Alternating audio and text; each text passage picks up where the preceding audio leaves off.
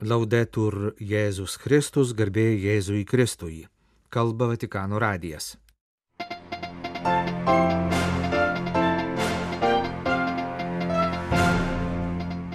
Kovo 17 dieną 10 kartą bus švenčiamos 24 valandos viešpačiui. Atgailos pamaldos besirengiant Velykoms. Popiežius paskyrė naujus kardinolų tarybos narius paskelbtas naujas Vatikano finansų instituto statutas. Toliau mūsų laidoje kalbėsime apie katalikų humanitarinę veiklą Ukrainoje, Turkijoje ir Sirijoje, Bangladeše. Šį antradienį, kovo 7 dieną, sukako 25 metai nuo garsiojo bažnyčios istoriko, jėzuito profesoriaus Pauliaus Rabikausko mirties.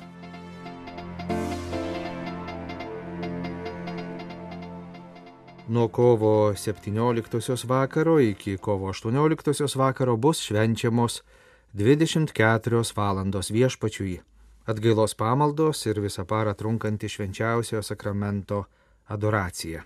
Šiais metais popiežius Pranciškus atgailos pamaldoms vadovaus ne Šventojo Petro bazilikoje, bet netoli Vatikano esančioje Marijos Dievo malonės motinos parapijos bažnyčioje. Popiežiaus vadovaujamos pamaldos Penktadienį kovo 17 prasidės 16 val. 30 min. Romos laiku. Po pamaldų iki vėlyvos nakties ir visą kitą dieną bažnyčioje vyks švenčiausio sakramento adoracija ir bus galima atlikti išpažinti. Panašia tvarka 24 val. viešpačiui bus švenčiamos ir kitose pasaulio vyskupijose.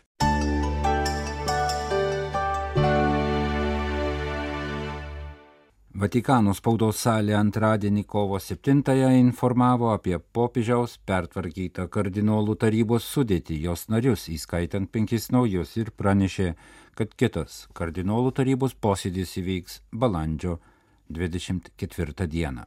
Be keturių tarybos likščiolinių narių kardinolų Pietro Parolino, Fridolino Mbongo Besungų, Osvaldo Graciaso ir Šiono Aumelai popiežius atnaujintos tarybos nariais paskyrė Fernando Vergeza Alzaga, popiežiškosios Vatikano miesto valstybės komisijos pirmininką, Jose Omelija, Barcelonos arkivyskupą, Geraldą Lacroix, Kvebeko arkivyskupą, Žoną Klodą Holerichą, Luxemburgo arkivyskupą ir Sergio Daročą, San Salvador de Bahia arkivyskupą iš Brazilijos.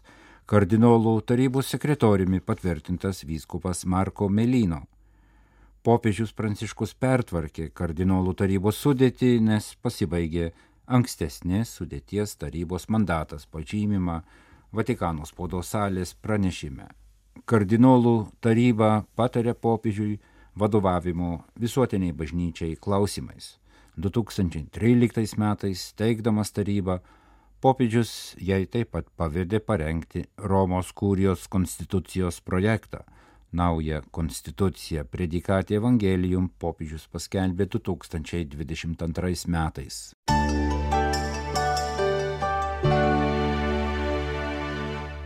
Kovo 7 dieną Vatikane buvo paskelbtas popiežiaus pranciškaus chirografas, kuriuo jis patvirtino naują religinės veiklos finansavimo instituto statutą. Kartu paskelbtas ir naujo statuto tekstas. Naujas statutas priderina religinės veiklos instituto, populiariai vadinamo Vatikano bankų, veiklą prie naujos tvarkos, kurią nustatė pernai paskelbta nauja Romos kurijos veiklą apibrėžianti konstitucija predikatą Evangelium.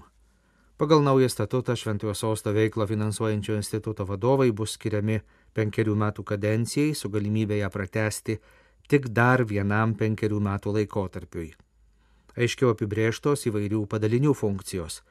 Instituto priežiūros komisija yra atsakinga už veiklos strateginių krypčių, bendrosios politikos nustatymą ir vykdo priežiūrą, tuo tarpu generalinis direktorius yra atsakingas už instituto administravimą.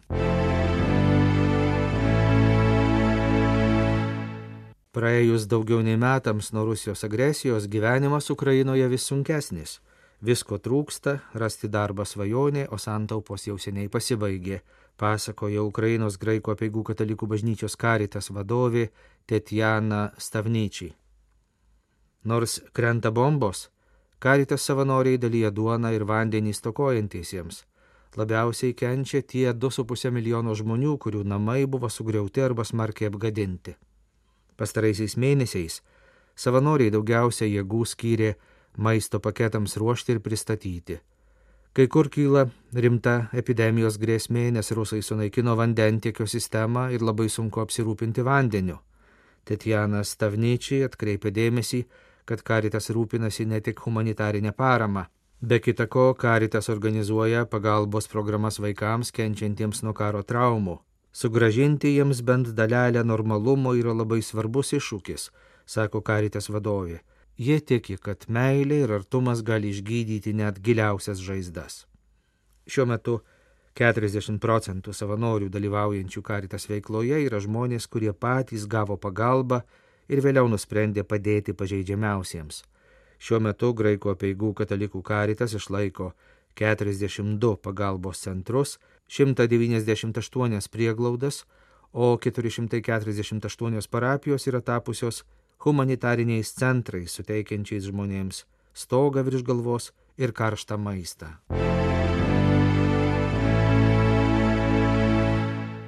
Mums reikia visko, padėkite, neužmirškite mūsų, sako vyskupas Paulo Bidzėti, Anatolijos katalikų apaštališkasis vikaras. Jis pasakojo italų katalikų naujienų portalui SIR apie milijonus žmonių ištikusią nesaugumo padėtį praėjus mėnesiui nuo 45 tūkstančių žmonių gyvybių pareikalavusio žemės drebėjimo.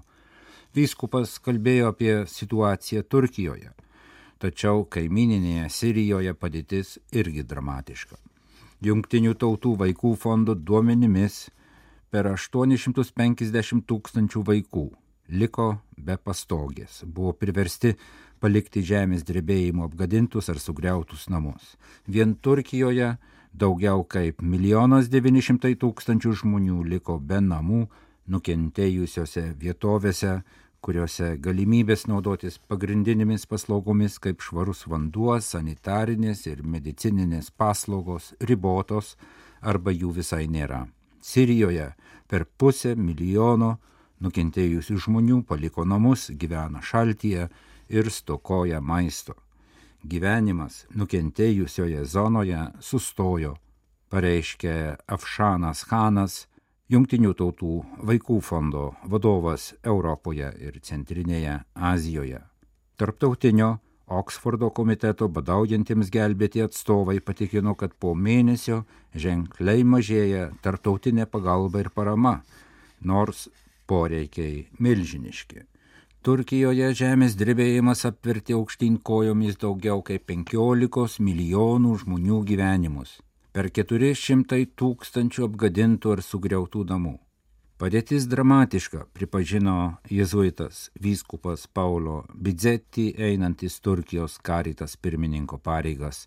Jis ragino išmintingai planuoti pagalbą, kurti projektus per įvairius kanalus su vienitomis jėgomis, taip kad vyriausybės, privačios, nacionalinės ir tarptautinės institucijos galėtų užtikrinti atstatymą, kuris nebūtų naujas dangoraidžių tvanas be kriterijų. Turkijos katalikų ganytojas pasakojo, kad žemės drebėjimai kartojosi visą mėnesį, bet pastarosiomis dienomis ramiau. Jis kalbėjo apie pamatinės problemas - namų, darbo ir mokyklų stoką. Nesaugumas apima visas socialinės grupės, todėl anot vyskupo pagalba turi būti rimta. Reikia suteikti viltį vietiniams, kad jie norėtų pasilikti. Bijome, kad išvykusieji nebesugrįž. Tai tik dar labiau nuskurdins žmonių gyvenimą.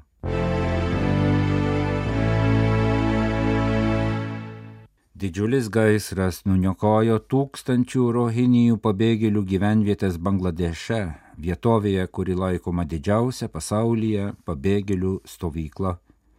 12 tūkstančių žmonių ateivių iš Mienmaro dėl gaisro staigiai liko be nieko, be pastogės, asmeninių daiktų, maisto, sveikatos apsaugos vandens, praneša Italijos katalikų naujienos SIR. Šeštadienį kovo ketvirtąją Balukalį ir Ukyje stovyklose Koks bazaro apskrityje kilusiame gaisre sudegė 2000 pastatų, įskaitant gyvenamosius namus ir mokyklų patalpas, taip pat sugadinta vandentiekio sistema. Gaisras nuniokojo taip pat tarptautinės vaikų pagalbos organizacijos Save the Children struktūras pabėgėlių stovyklose. Anot organizacijos atstovo Bangladeše, tarptautinė bendruomenė paliko Bangladešo rohinijus likimo valiai. Jungtinių tautų maisto programa neseniai pranešė, jog dėl finansavimo bėdų sumažintas pagalbos tiekimas. Šis gaisras yra dar viena Rohinijos ištikusi tragedija, pareiškė Save the Children atstovas Ono Van Maninas. Jis prašė Ženevoje posėdžiaujančių tarptautinės bendruomenės atstovų nevengti savo atsakomybės ir apsaugoti Rohinijos užtikrinant jų humanitariniams poreikiams būtinas lėšas. Didžioji dalis nukentėjusiųjų yra Mianmaro rohinijai, 2017 metais apsigyvenę Bangladeše.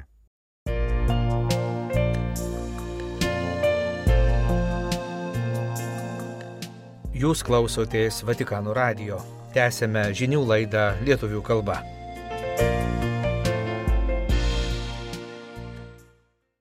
Prieš 25 metus, 1998 kovo 7 dieną, Romoje mirė profesorius Paulius Rabikauskas, lietuvis jezuitas, daug metų vadovavęs Popiežiškojo Grigaliaus universiteto bažnyčios istorijos fakultetui. Paulius Rabikauskas gimė 1920 metais Gudžiūnuose, Kedainio apskrityje.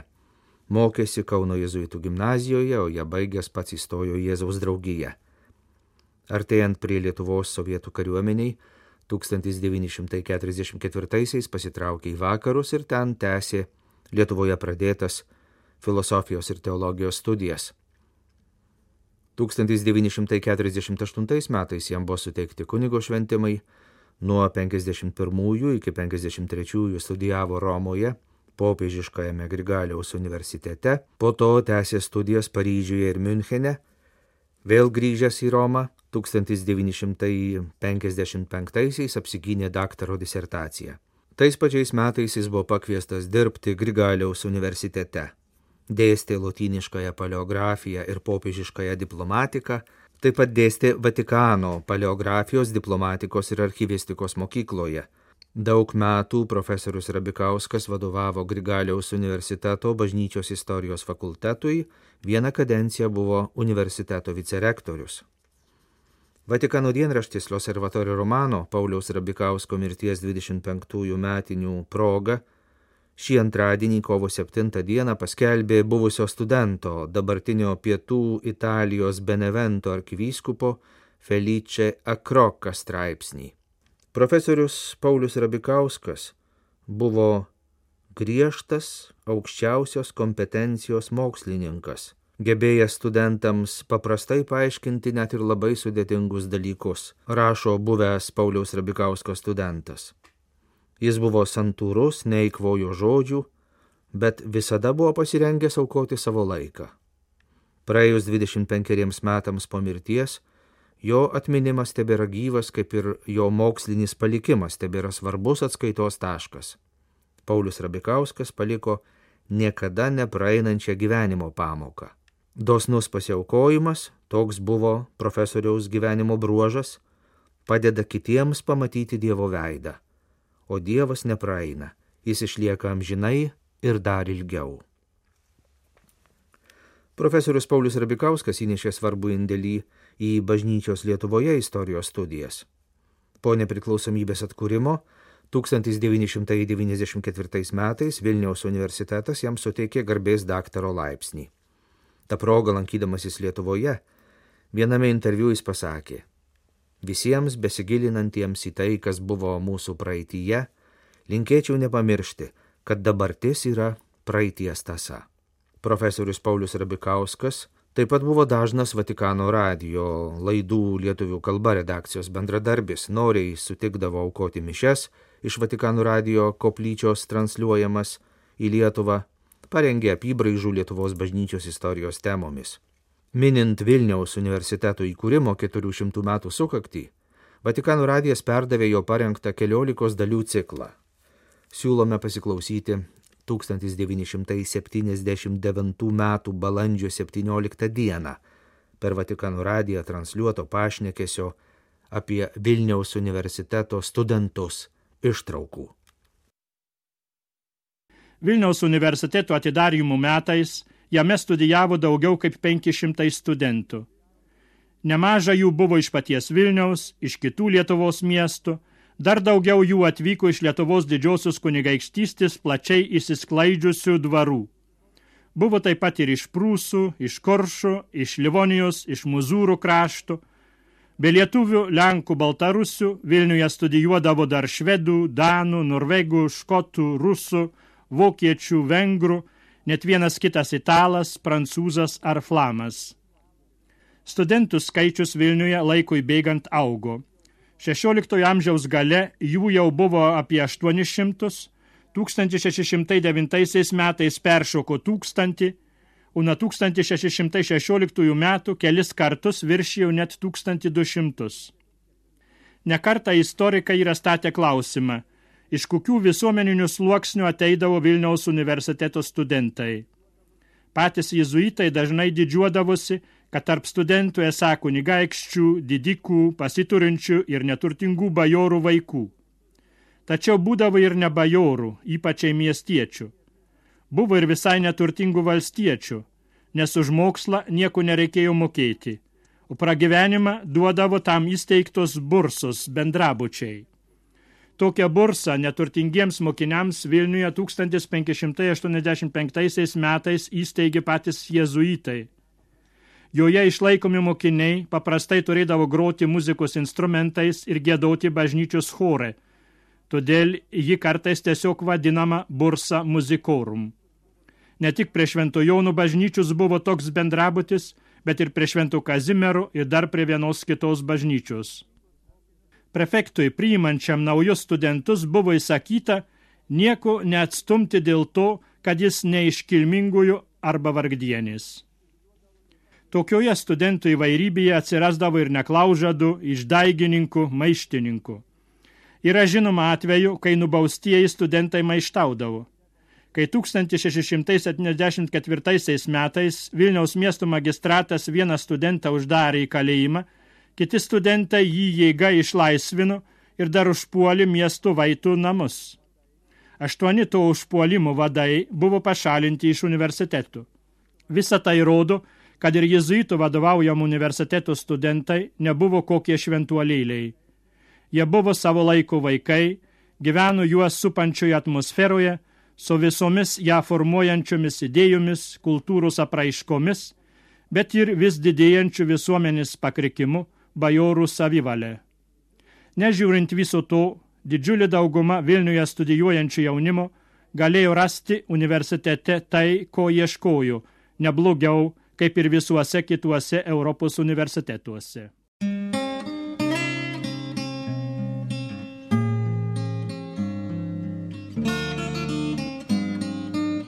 Kalba Vatikano radijas. Laidą lietuvių kalba baigėme.